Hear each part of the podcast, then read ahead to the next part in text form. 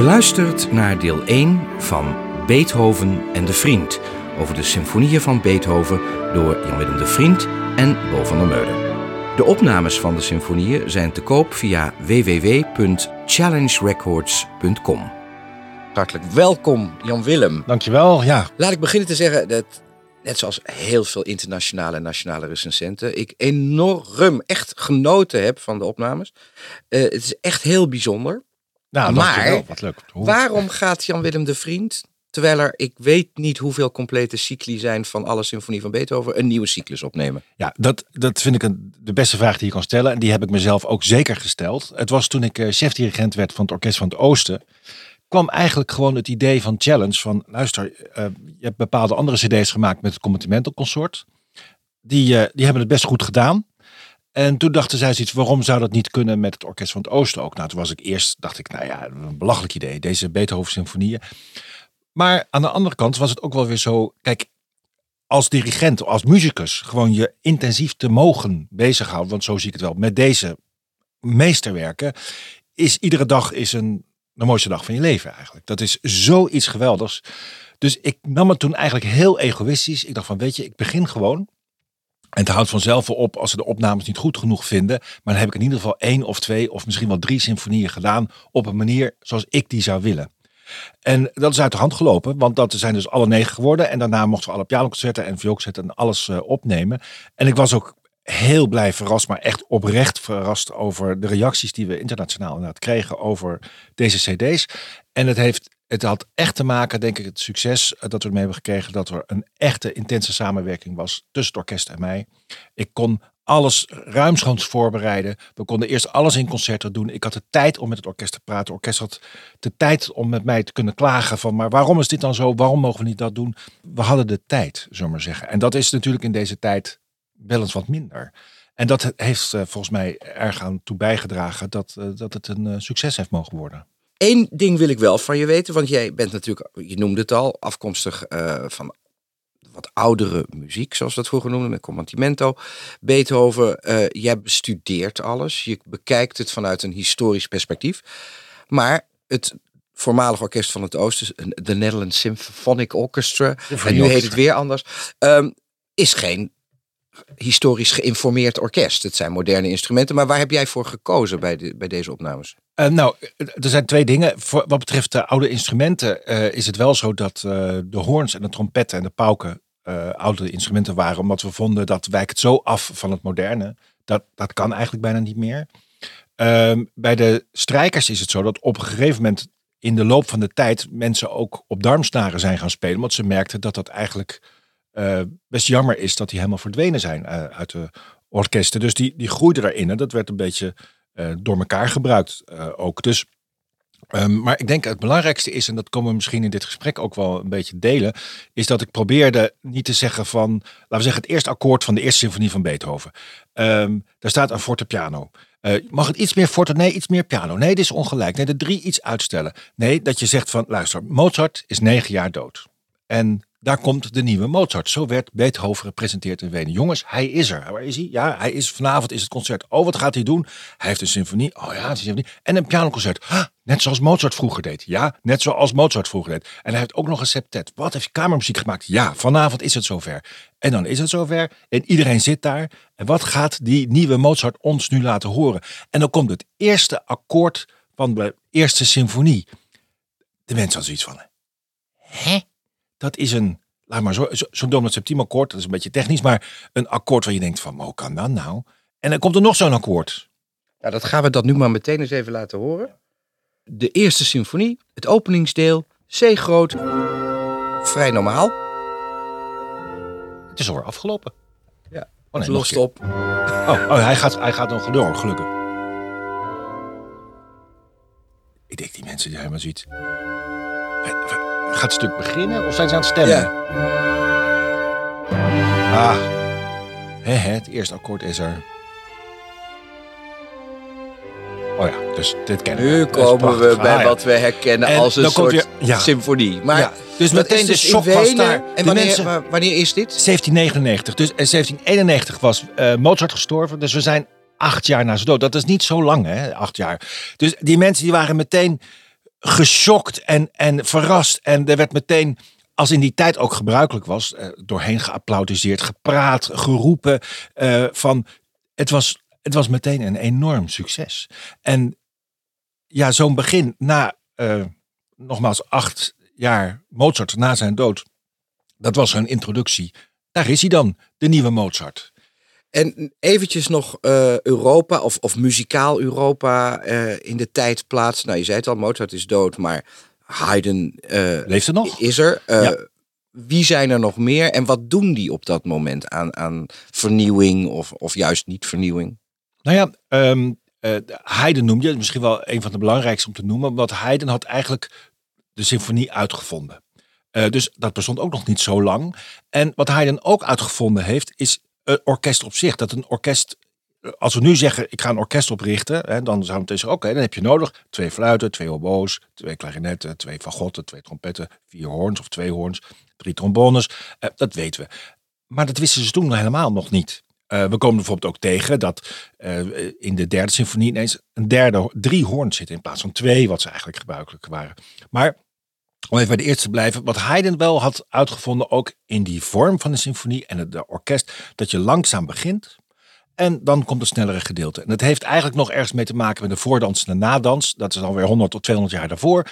Het begint langzaam en dan wordt het sneller.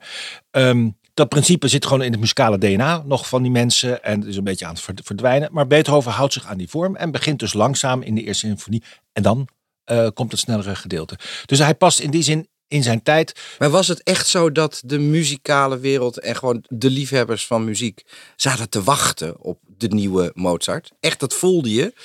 Eh, ja, dat denk ik zeer zeker. Want dat, dat heeft altijd bij Beethoven gespeeld. En dat is ook heel erg belangrijk in zijn symfonieën. Dat zullen we denk ik nog tegenkomen in deze podcast.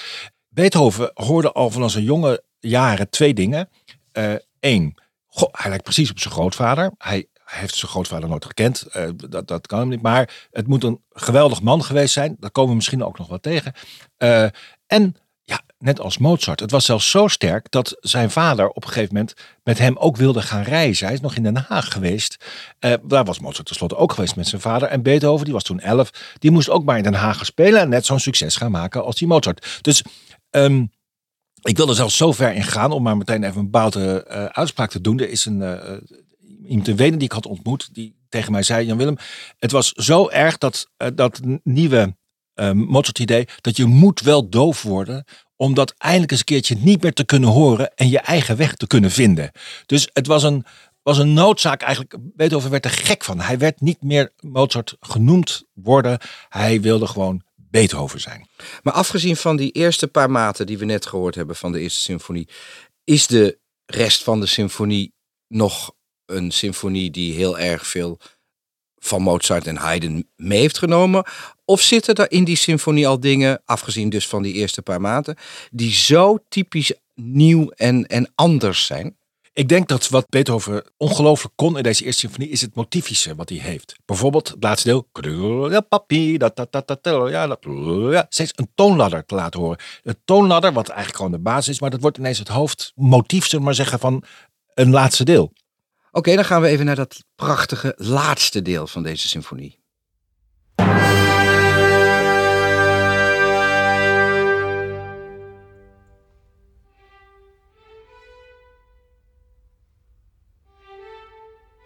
Kijk, die toonladder wordt steeds groter. Weet je, nou, bijna helemaal. Oh nee, toch niet.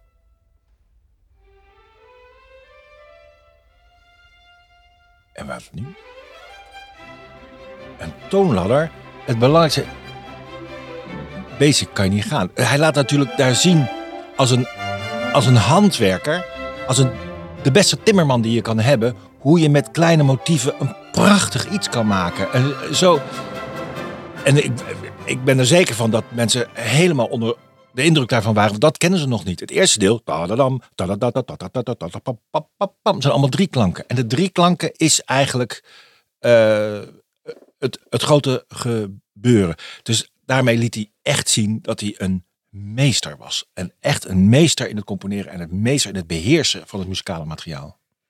Je andere voorbeelden van grote componisten die best bijzondere symfonieën gemaakt hebben, maar met hun eerste een eigen gelegd hebben waar ze later zelf helemaal niet tevreden over waren. Uh, Beethoven uh, stond wel als een huis en was ook niet ontevreden over zijn eerste, toch? Uh, nee, hij, hij, heeft later wel, geloof ik, over zijn septet was hij wat minder tevreden. Terwijl het, het een van zijn grootste hits is geworden tijdens zijn leven. Maar volgens mij heeft hij daar weinig ja, Nee, maar dan, dat is, misschien is het ook wel zoals jij te werk gaat. Zoveel voorbereiding. En voordat je uh, het openbaar maakt. Dat is absoluut bij Beethoven ook. Moet je voorstellen dat in deze tijd hij al uh, leest. En daarmee het gedicht voor de negende, wat dus nog uh, eh, 24 jaar later gecomponeerd moet worden, er al mee bezig was. Dus een proces kon bij Beethoven heel lang gaan. En dat duurde bijna altijd wel een paar jaar. En het is in die zin ook ongelooflijk eigenlijk dat hij tot zeg, uh, we hebben dus nu, laten we zeggen, rond 1800, hè, 1801, dat hij, uh, en tot 1815, 1814, het meeste van zijn grote werken die wij nu spelen, in die tijd gecomponeerd uh, zijn. Een soort explosie van meesterwerken die die dag en nacht was hij daarmee bezig altijd muziekpapier bij zich, een pen bij zich. Liep hij over straat, dan werden er notities gemaakt voor ingevingen die hij had. En die kunnen heel klein zijn. Hè? Bijvoorbeeld, uh, uh, heeft over zijn piano gezegd, maar pam, pam, pam, pam, pam. Gewoon dit pauken motief. Dat schreef hij dan op en dan voor de pauken is dat. En heeft hij later in zijn pianoconcert gebruikt. Dat, dat soort dingen, dat kunnen we nu allemaal terugvinden. Dat is ongelooflijk. En dat is er allemaal, dus dat is heerlijk voor, voor dirigenten en muzikanten zoals jij. Ja, dat is natuurlijk echt smullen, want dan, dan probeer je zoveel mogelijk in, in zijn wereld te kruipen, in zijn uh, muzikale wereld te kruipen. En uh, ja, dan wordt zijn wereld steeds groter en je wordt zelf steeds kleiner. Dat is toch wel heel indrukwekkend. Nou, dan heeft hij uh, succes. Men heeft besloten, goed, de nieuwe Mozart uh, of de, de nieuwe Beethoven hebben we geaccepteerd. En is dan de tweede veel moeilijker dan de eerste symfonie? Ja, dan komt alweer het beetje het karakter van Beethoven op. Um, ik zei het net al van hij werd doof. En in die tweede doet hij iets wat, uh, denk ik, nu zo'n 100 jaar geleden een zekere Gold uh, Smit heeft ontdekt. De tweede bestaat eigenlijk uit um, allemaal kleine motiefjes uit Mozart-opera's. En we moeten even weten, de, uh, Beethoven is één keer op les gestuurd naar Mozart toe. Hij was toen, uh, wat was hij, 14. hij zou daar binnengekomen zijn. Nou, het was in ieder geval de tijd dat Mozart had helemaal geen tijd voor hem. Het was inderdaad na zijn uh, Nozze di Figaro periode. En Enfin, dat, dat, dat, is. Het wordt in sommige biografieën wordt zelfs gesteld van eh, hebben ze elkaar wel ontmoet, ja of nee? Nou, ik ga er een beetje van uit dat hij waarschijnlijk één keer hebben ze elkaar ontmoet. En Mozart heeft daar gekeken. Die dacht van, wat is dat, de nieuwe ik? Nou, uh, dat ben ik wel tien keer beter. En Beethoven heeft gedacht, nou, is dat nou die, uh, die grote Mozart? Wat een, een rare man is dit eigenlijk. En hij is gewoon weer naar huis gegaan. En toen hij thuis kwam, in Bonn terug, toen overleed zijn moeder. Uh, en hij ging toen in het orkest uh, daar in Bonn als veelspelend om geld te verdienen voor zijn broers. Er moest gewoon geld op de plank komen. Zijn vader was uh, zwaar alcoholist en daar hadden ze niet zo heel veel aan. En wat werd er gespeeld in Bonn? De Mozart-opera's onder andere. En zodoende heeft Beethoven de drie Da Ponte-opera's werkelijk van binnen en van buiten gekend. En wat zien we in die tweede symfonie? Allemaal kleine fragmentjes uit die Mozart-opera's wat allemaal teksten opgeeft. Zo is bijvoorbeeld één, ik had ze nog even opgeschreven, Pentiti, Cangiavita, il ultimo momento. En dat is uh, voor jou natuurlijk uh, gesneden ook, maar het berouw, uh, verander je leven, is het laatste ogenblik is gekomen. door Giovanni. Ja. En Oime, che gelo e questo mai. Ja, hoe koud deze hand, hand van, de, van, de, van het standbeeld um, in Don Giovanni. En dan in het langzame deel, bijvoorbeeld, dat heeft hij alleen in zijn, in zijn handschrift. Dat is niet in, in de partituur als je het gaat kijken. Dus dan moet je kijken naar het facsimile. Daar schrijft hij echtelijke eensgezindheid. Donkere wolken op het voorhoofd van de man, waarmee het betere helft weliswaar instemt, maar deze toch probeert te verdrijven. Nou, ik heb het, geloof ik, toen met ging opnemen met orkest, wel vier of vijf keer steeds weer genoemd. Omdat het, het is natuurlijk zo moeilijk te vertalen. En hoe ga je dat doen? Maar in ieder geval die tweestrijd, die dubbelheid in dat langzame deel van twee personen die ontleed is aan de Don Giovanni, is natuurlijk een, ongelooflijk inspirerend en spannend gegeven. Nou, laten we even gaan luisteren naar die tweede symfonie met iets wat voor Beethoven en nu misschien ook voor ons typische Mozart voorbeeldjes of quotes zijn. Hier komen die toonallers. Die kennen we van uh, Partiti, Congiavita, L'ultimo momento. Uh, als, als ze het berouw, uh, verander je leven. Het is het laatste ogenblik. Wordt hier eigenlijk gebruikt. En het zijn inderdaad die, die dreiging ook, hè, die, die Beethoven eronder legt. Dat gaat naar verder eigenlijk van... Oime, che gelo questa mai?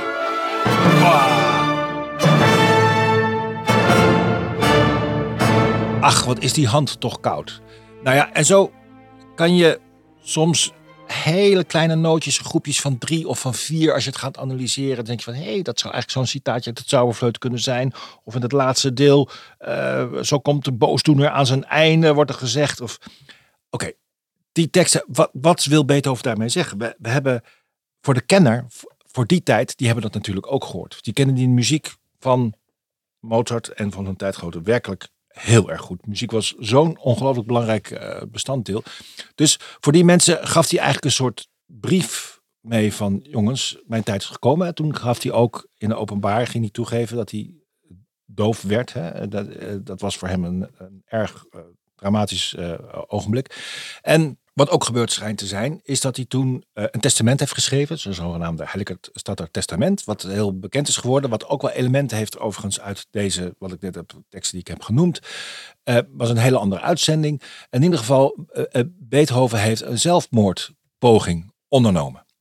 En hij is, dat is niet helemaal bekend, waarschijnlijk gered. Er is een theorie die gaat van dat hij zichzelf heeft opgesloten, ingesloten en daardoor geen eten en geen drinken meer kon krijgen. En toen is hij gevonden uh, en daarmee is hij weer gered. Oké, wat ging hij doen? Hij ging door en uh, dan komt de derde symfonie.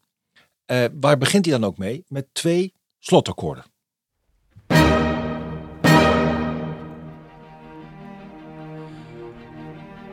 Alsof hij met die twee akkoorden het slot maakt met alles wat daarvoor was welke componist is ooit met slotakkoorden begonnen? Hè? Dat is echt al ongelooflijk. Maar daarna, dit melodietje. Die is ook weer van Mozart. Is van Sebastian de Bastienne. En het is alsof hij die wegschuift. En weg ermee. Dus even zoeken waar dan, waar dan de nieuwe, komen de beroemde 45 Forzati. En hij poetst eigenlijk met die, in het eerste deel, Mozart Definitief weg. Definitief weg. En, en nou, goed, nu zijn we bij die derde. Eh, dan hebben we daar natuurlijk nog een aantal andere belangrijke anekdotische feiten die we kwijt moeten. Het mooie was dat je nu verteld hebt dat de nieuwe herboren Beethoven na zijn zelfmoordpoging deze derde componeert. Hij heet Eroica. Nou, mag jij vertellen wat daar uh, nou eigenlijk allemaal mee aan de hand is met die titel? Hij en ook een, een een zekere Ries, een, een, vriend van Beethoven, die, die hebben gezegd dat hij deze symfonie op zou gedragen hebben aan uh, Napoleon Bonaparte. En dat hij toen op het moment dat hij zich tot keizer liet kronen, Beethoven het uh, voorblad genomen heeft en verscheurd. Wat aannemelijk is, de symfonie zou Bonaparte heten, dat is wel waar. Dat heeft hij uitgegumd, dat is het eigenlijk. En daardoor is die Bonaparte verdwenen. En hij heeft er aan toegevoegd, het is opgedragen aan een groot mens. En, en, dan komt natuurlijk de vraag, dat vind ik dan weer interessant, wie was de, grote mens? Zou dat geweest kunnen zijn Napoleon Bonaparte of iemand die voor Beethoven Bonaparte was? Naast die lijn van uh, Mozart was een ander persoon heel erg belangrijk voor Beethoven. En dat vind ik ook wel interessant in het kader van de derde symfonie. Dat was zijn opa. Ik heb het al even genoemd. Hij had ook een portretje bij zich, Beethoven, altijd van, van zijn opa. Zijn opa was een man die kwam uit Mechelen, is naar Bonn gegaan, werkte daar aan de opera. Moet een ongelooflijk creatief man geweest zijn die uh, onder andere wijn ging importeren. Vandaar die problemen met de alcohol in de hele familie Beethoven en zijn eigen vrouw nog wel. En die heeft bijvoorbeeld een portretje laten maken waarin, uh, waarin je kan zien alsof het, maar heel snel gezegd, alsof het een foto moment is geworden. Dus je ziet beweging in het schilderij. Dat was nog helemaal niet voorgekomen dat iemand zich liet portretteren uh, als, als zijnde een, de foto was nog niet uitgevonden. Dus uh, daarmee wil ik alleen maar zeggen, die man was wel echt heel artistiek en origineel en uh, fantastisch. Um, dat portretje had Beethoven als, altijd, altijd bij zich. En hij voelde zich waarschijnlijk ook heel erg verbonden met zijn opa. Dus in deze symfonie zijn een paar aspecten die die mij doen denken van, daar heeft hij iets met zijn oorsprong met Bon te maken. Bijvoorbeeld het melodietje in zijn laatste deel is ontleend, heeft hij al eerder in zijn uh, contradansen gebruikt, die hij nog in Bonn heeft uh, gecomponeerd, ook als dansmuziek. dat komt weer terug. Hij heeft het ook gebruikt in zijn Prometheus. Het is een melodietje die hem als het ware ja, altijd heeft ge, gevolgd, maar, uit zijn Bonner periode. Of het is iets wat hem altijd thuis brengt. Het is, nou, het is heel mooi gezegd, ja. En, en er zit ook een, een chardas in dat laatste deel, bijvoorbeeld. Um, zijn opa was daar helemaal weg van. Die hield van dat soort dingen. Dus ik denk dat hij, ja, dat hij, dat hij zeker Napoleon enorm heeft bewonderd. Als, omdat het een vrije geest was. En dat wilde hij zelf natuurlijk ook zijn. Hij wilde zichzelf ontdekken. Hij wilde een vrije geest zijn. En voor wie was dat voor hem ook helemaal zo? Zijn eigen opa. Het begint laatst stil met een enorme chaos. Van we hebben nu Mozart weg, eh, we zijn nieuw, we gaan blanco pagina. Het eerste wat je hebt is chaos. Dan hoor je die enorme herrie en dan komt er een soort structuur van no, een soort fuga. En fuga is eigenlijk het idee, uh, God al heeft alles ge, geordend en gestructureerd naar maat en getal. Een fuga symboliseert dat eigenlijk. Dus je moet eerst, aan chaos heb je niks, je moet structuur hebben. En vanuit die structuur komt die melodie, tadi, yadi, dadi, en dan komt de Prometheus. Nou, nou, dat is het verhaal, denk ik. Hier komen we.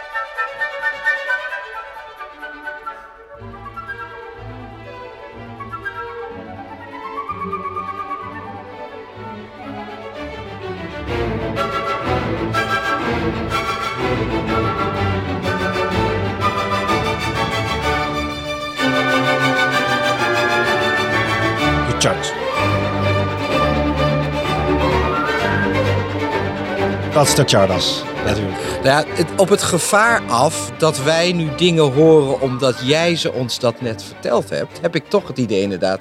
Je hoort eigenlijk in die opening van dit deel de onrust in Beethoven en dan laat hij ons horen. Maar hier ben ik tevreden en hier is, is de wereld goed Ja, en vredig. goed. Ja. Maar dat komt misschien doordat jij, wat jij ons net verteld hebt, maar misschien is het ook gewoon puur om wat Beethoven geschreven heeft. Maar, en jij zei, en dat vind ik echt heel erg leuk, tijdens het luisteren, goede muziek hè. Yes. Is natuurlijk... Nou, we zitten hier alle drie helemaal bijna ademloos te luisteren. Omdat we gewoon echt, luisteren. En dat, is, dat kan je natuurlijk alleen nu. Dat, moet je je voorstellen, 250 jaar geleden. Daarvoor zitten we nu hier bij elkaar dat die man geboren is. En die muziek nog zoveel te vertellen heeft. En dan komt dus nu inderdaad bij die Chardas uit. Het is, het is een soort bevrijding. Je hoort nog zoveel meer. Bijvoorbeeld die triolen van die, van die fluit. Ja, de fluit is natuurlijk toch de hemel en de, en de aarde die met elkaar verbindt. Hè? En, en dat na die fuga van, dat is inderdaad, als je die structuur hebt, dan zie je misschien wellicht hè, een soort hemelse gevoel of eh, universeel gevoel. En dan kan je namelijk, het gekke is dat, dat maakt ook dat je durft dat hele aardse ja, weer, weer aandurft. Het is, Ja, ik zag een, een, een lekkere rondborstige Hongaar met een glas rode wijn en een, bo- een bord eh, lekker eten in die, in die Chardas. Ineens zo'n gezellige, zo'n Ivan Rebrov type. Ja, nou dat zou heel goed eh, kunnen passen. Want als je de portret ziet van de opa van Beethoven, is het een, een, zo'n soort figuur. En hij was de eerste die, eh, toen hij in Bonn aankwam, dacht, nou, één ding hebben ze hier zeker niet, dat is goede wijn. En toen ging hij via zijn vrienden in Mechelen zorgen dat er goede wijn werd geïmporteerd in, eh, in Bonn. Nou goed, dat is, dat is, eh, Dat is drie. verrukkelijk natuurlijk. Ja, en oh nu ja. komen we bij een symfonie en daar, daar hangt wat aan waar niemand volgens mij wat aan kan doen. Zeker Beethoven niet. Maar die vierde lijkt altijd een beetje een ondergeschoven kindje. Want als je nou kijkt naar wat er uitgevoerd wordt in de concertzalen wereldwijd. Behalve als iemand zoals jij alle symfonieën gaat uitvoeren. Maar als er gekozen wordt, is de vierde bijna de minst gekozen symfonie van Beethoven. En als je hem hoort, denk je, het is een heel goed werk. Waarom? Ja, het, ehm, kijk, die, die derde, dat is natuurlijk duidelijk, dat is revolutionair. Nog nooit zo'n lange symfonie geweest. Die instrumentatie met de derde. En dan heb je de vijfde. En dat is natuurlijk, nou, dat is een hoeveel verhaal. Maar wat gebeurt er? Beethoven, die schrijft als het ware die derde. En hij wordt opnieuw verliefd. En die, die liefde voor hem, eigenlijk zijn grootste wens, wordt wel gezegd, was echt een gezinnetje hebben. Gewoon heel burgerlijk, vrouw, een paar kindertjes. En dan goed voor die kindertjes willen zorgen. Dat was gewoon zijn ideaal, de grote liefde zien te vinden. Nou dat is natuurlijk een beetje anders uitgepakt.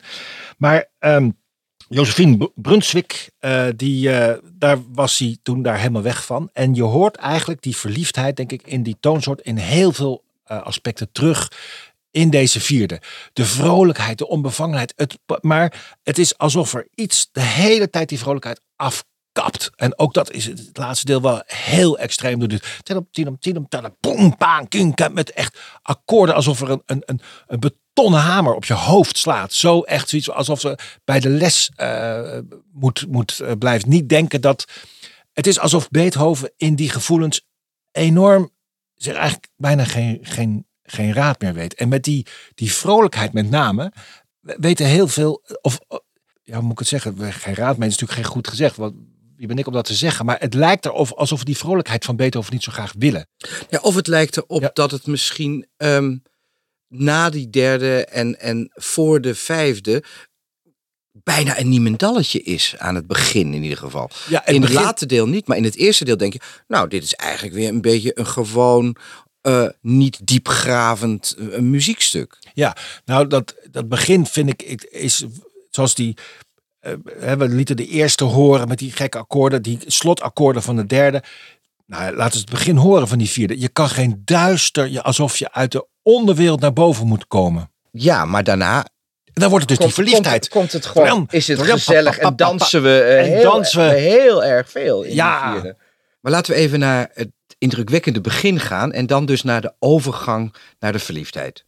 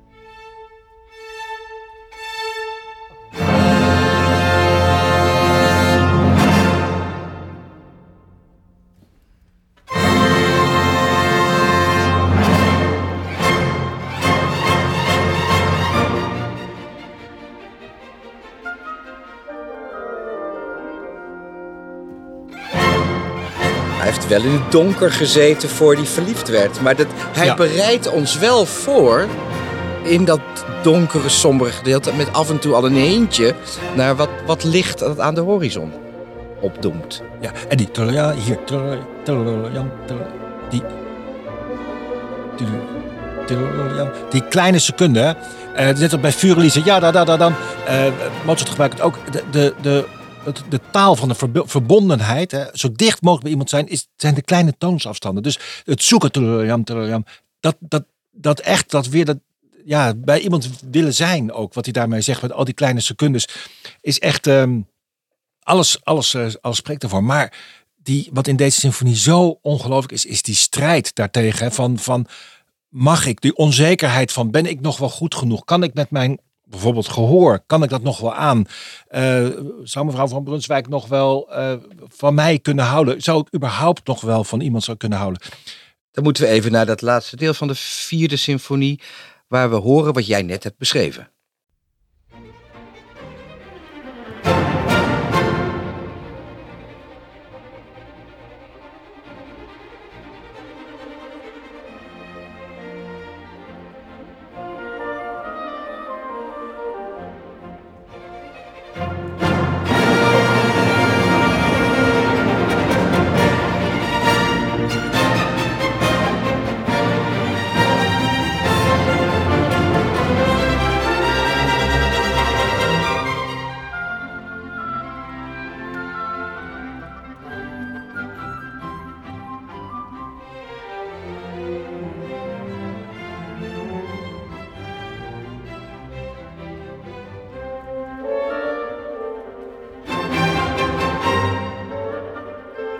Alles lijkt goed te gaan, hè?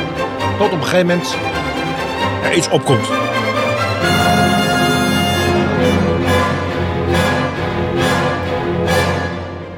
Ach ja, misschien wat eigenlijk Goede ruzie gehad die Ja. ze nog wel hebben rechtgezet. Maar Ik denk dat die klappen een enorme angst zijn en onzekerheid die zelf.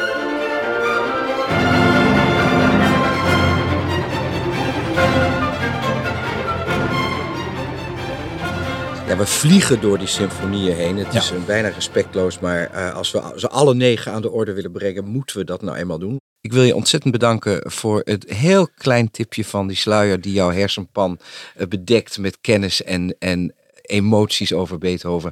En eh, we komen allemaal ietsje dichterbij bij deze negen symfonie. Jij heel erg bedankt.